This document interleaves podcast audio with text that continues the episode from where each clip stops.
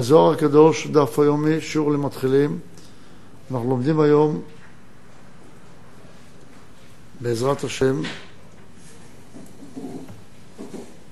עמודים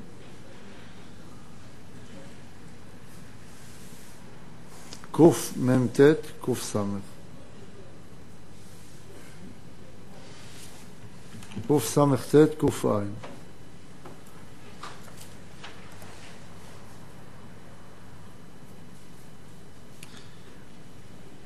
בשיעור הקודם למדנו מאמר חדש, מי זאת עולה מן המדבר. למדנו שזאת זה הפרטיות של האדם, שכאשר היא צריכה לעלות היא צריכה שיהיה לה דיבור נדיב והקשבה נדיבה. ולמדנו שכאשר אדם מקשיב לחברו, הבנת דברי חברו הולכות אחרי הפירוש. כמו שהחלום הולך אחר הפירוש, ההקשבה הולכת אחר הפירוש. יש אנשים שהם מאוד ביקורתיים כלפי חברם, ותמיד שומעים איפה החבר לא בסדר. האנשים האלה הם אנשים גאוותנים, שקשה להם לראות איפה נקודת החיבור של החבר. דיבור נדיב והקשבה נדיבה מפרשים את דברי החבר בהקשבה נדיבה כרצון להתחברות. הוא לא תמיד יודע איך, אבל הוא מפרש את זה כרצון להתחברות. בעוד שאדם שאין לו הקשבה נדיבה, מפרש את הדיבור של חברו כרצון להתרחקות, כרצון שינצלו אותו וכן הלאה, ואז הוא מבקר אותו על זה. הרעיון, הרעיון שהבנת דברי חברך היא על פי פירוש שלך. אבל מה באמת הוא אמר? מה באמת הוא אמר אתה לא יכול לדעת. מה הוא באמת אמר, זה כמו שאתה לא יכול לדעת שום דבר, מה באמת קיים במציאות מחוץ לך. אז מה האמת? איך שתפרש אותה. האם כל פירוש הוא נכון? לא. צריכים ללמוד איך מפרשים. מה הפירוש הנכון? על פי האמת. אתה צריך לפרש על פי האמת. דהיינו, אתה צריך להשוות את זה לצורת הפאזל או לתמונה האמיתית. מהי התמונה האמיתית? הבורא רוצה שאנחנו נאהב אותו. אם אתה מפרש את התורה, פירוש תורה נכון ואמיתי הוא, אם הגעת להבנה בתורה שאתה צריך יותר קשר עם השם. אבל אם הגעת להבנה בתורה שאתה צריך רק לנצל את השם לטובתך האישית, פירשת לא נכון את התורה. כל מי שמפרש את התורה בדרך של לתת קישוטים לכלה, כלה היא התכלית, לקשט את הכלה בקישוטים, דהיינו בדברי תורה, ביראת השם, ביראת הרוממות, אז עם הקישוטים האלה, הכלה באה לבעלה. ולכן ככה אדם צריך לפרש את החיים. אנחנו מפרשים הרבה פעמים את החיים בדרך של שמאל, בדרך של מלחמה, בדרך של התגוננות, בדרך של רצון לשליטה עצמית. ולכן כדאי לנו לפרש את זה באופן אחר. מה זה כדאי? זה כמו חלום, אתה יכול לפרש אותו רע ואתה יכול לפרש אותו טוב. והחלום הולך אחר פירושו, כמו שראינו בגמרא במסכת ברכות.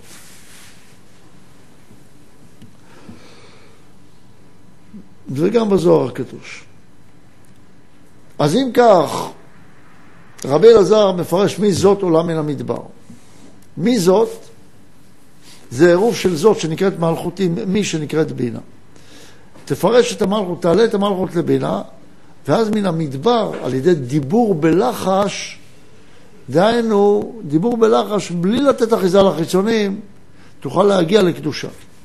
ואם לא תדבר בלחש, שהדיבור שלך לא יהיה מצד בינה, אז הדיבור שלך לא יביא לקדושה.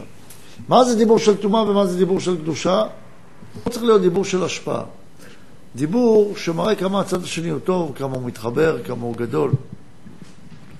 ורוב, ומה זה דיבור? מהו הכשל הגדול בדיבור שמוצאים שם רע לחבר? שמדברים עליו דברים, חס ושלום, מכנים אותו בשם. מקללים, נוקבים את שמו, מראים את חסרונו וקלונו. אם עושים את זה מהעליון כדי שהאדם יתקדם, זה גם לטובתו. אבל באופן הפשוט, הרגיל, דיבור נדיב זה דיבור שמראה את טובת השני, את גדלות השני. אותו דבר הקשבה צריכה להתפרש על פי גדלות השני, האחר. אומר לנו בעוד תקופה ע"א, איך סלקה בדיבור? שואל, איך עולה המלכות בדיבור? אתה אמרת עולה מן המדבר, זה עולה בדיבור. ופירשת לי שזה דיבור בלחש. שואל, איך עולה בדיבור? הוא משיב. כי בתחילה כשאתה קם בבוקר, יש לו לברך את אדונו, לאדונו, בשעה שהוא פוקח את עיניו. איך הוא מברך? שואל, על מה, על איזה בסיס באה השאלה? הוא אומר, הרי הוא צריך לברך בלחש. אנחנו רואים שהוא מברך בקול רם. אז כשהוא קם בבוקר וצריך לברך את אדונו, הנותן לשכל בינה לבחין בינה בלילה, בהמשך שלא עשה ניגוי וכן הלאה.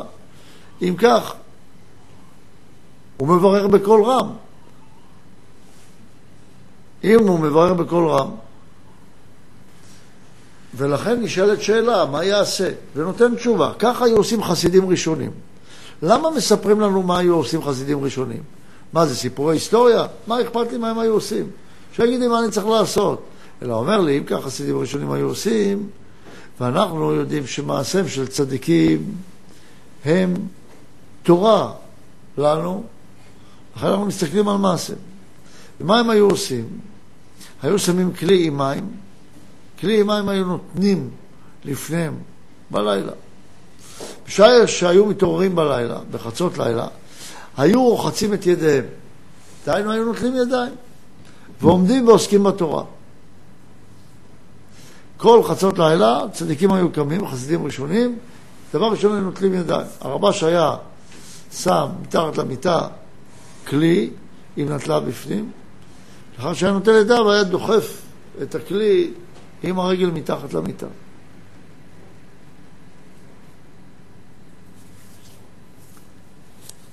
באיזה צבע היה הכלי? באיזה צבע? זה לא משנה. כל צבע שתבחרו זה טוב. נטילת הידיים היא במקום הדיבור בלחש. היא מתקנת את הדיבור שבלחש, ועל זה אנחנו רוצים להבין איך. ומברכים על קריאתה. יוצא עם כך שנטילת הידיים, שהיא בבחינת ג' פעמים בכל יד, סור, מרע, עשה טוב, ברכי שלום ורודפהו, זה מטהר את הידיים, דהיינו מעלה אותם למדרגת בינה. הנטלה היא מדרגת הבינה. הכלי הוא המקום ששופכים אליו את כל הזוהמה והלכלוך. שאסור לשפוך אותו ישירות על הארץ כדי שזה לא יעשה יותר נזק. לכן שופכים אותו לתוך כלי.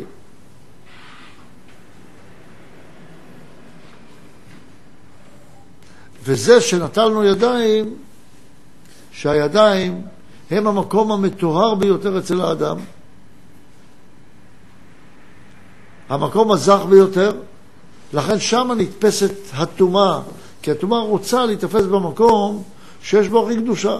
היות הידיים יכולים לעלות למעלה מהראש, למעלה מהדעת, אצבעות הידיים יכולות לעלות הכי גבוה בנפש האדם, באדם עצמו, גם על דרך הציור, שהבחינות האחרות, גם בהן יש טומאה. כי כשאדם עולה על מיטתו באחד משישים ממיטה, ואז רוח הטומאה שורה עליו, ולא עוזבת אותו רוח הטומאה, בעיקר מהמקום שהכי טוב לטומאה שם. איפה? במקום שהכי קדוש, במקום הכי זך. היות ואצבעות הידיים הכי זכות, הרי שם נתפסות, נתפסת הטומאה. והנטילת ידיים אומרת, אני מזכך את כלי המעשה שלי, אני מזכך את כל כולי, את כל הפרטיות שלי, שתעלה למדרגת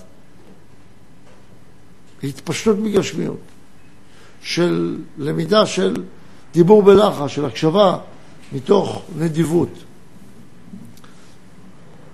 מברכים על קריאתה בשעה שתרנגול קורא, ואז חצות לילה ממש נמצא אז הקדוש ברוך הוא עם הצדיקים בגן עדן. ואסור לברך בבוקר עם ידיים טמאות ומזוהמות, וכן בכל שעה. אדם אומר, אני רוצה להתעורר, להתעורר מהעולם הגשמי שלי, מהתפיסה הגשמית, לתפיסה רוחנית.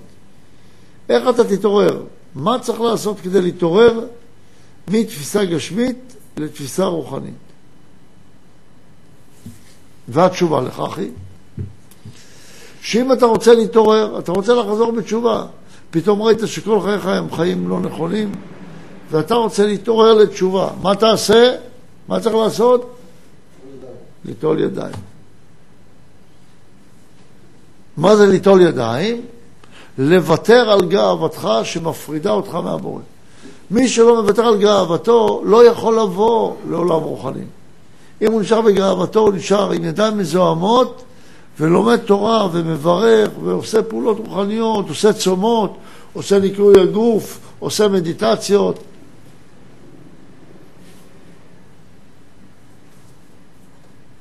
זה לא יעזור לו כשידיו הן טמאות. לכן צריך לתאר את ידיו. צריך להסכים לקבל עליו, לוותר על גאוותו.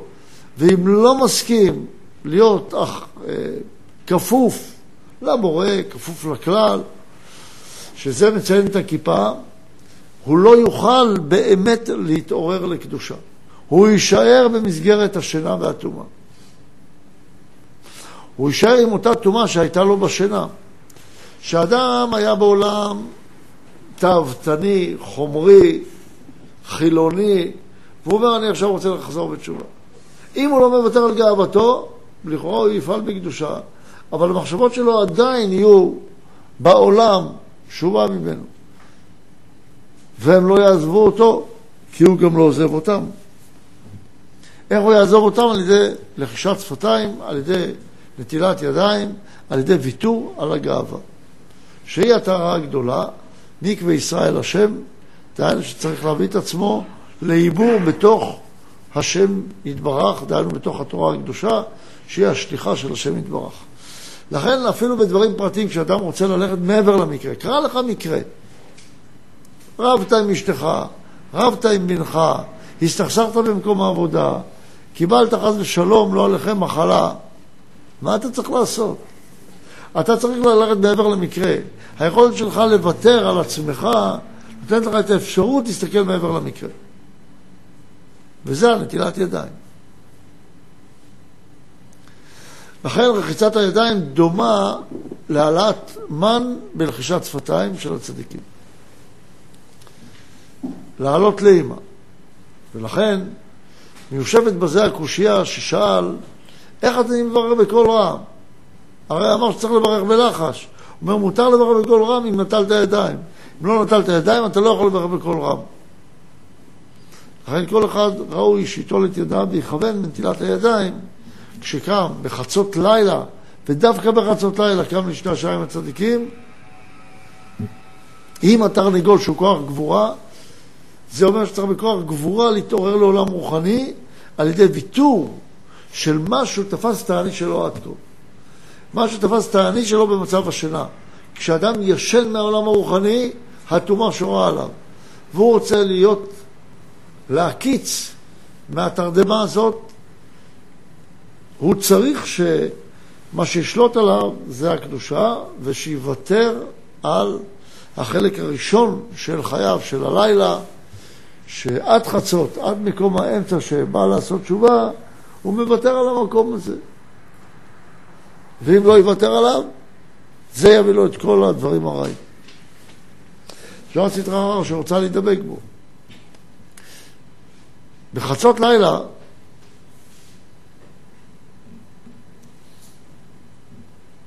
ממש בנקודת החצות שממנה מתחיל הטהרה,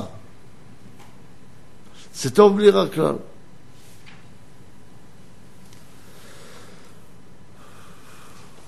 וכל פעם כשהוא נאום משנתו, כך יעשה יטול ידיו, או כשהוא אוכל לחם, וכן הלאה. אם כך למדנו היום שרחיצה במים, נטילת ידיים, היא באה כנגד דיבור בלחש, אבל זה רק מעשה למטה שצריך לעורר נקודה למעלה. לכן ראוי לאדם לכוון כשהוא נוטל את ידיו, הן לפני סעודה, הן אחרי שנת היום, ביום שהיא משנה יותר מחצי שעה, והן, וכל שכן, לאחר שנת הלילה, צריך הוא לברך, או צריך הוא בנטילת ידיים לכוון, שובה לטהרה שלמה, ועל ידי הטהרה הזאת, שהיא כמו לחישת השפתיים, שהמאו... שזה המאוויים בלב לטהרה, זה מה שיביא אותו לקדושה. בשיעור הבא נסיים את המאמר שלנו עוד מעט למאמר הזה למי זאת, ואחר כך נדבר רבי שמעון בר יוחאי על מה שצריכים להקריב לבורא במועדים ועל הצעות שמסתובבות לאדם על ידי כך שהוא לא יודע לתת מעצמו לכלל. אבל זה נראה בשיעור הבא בעזרת השם, עד כאן היום.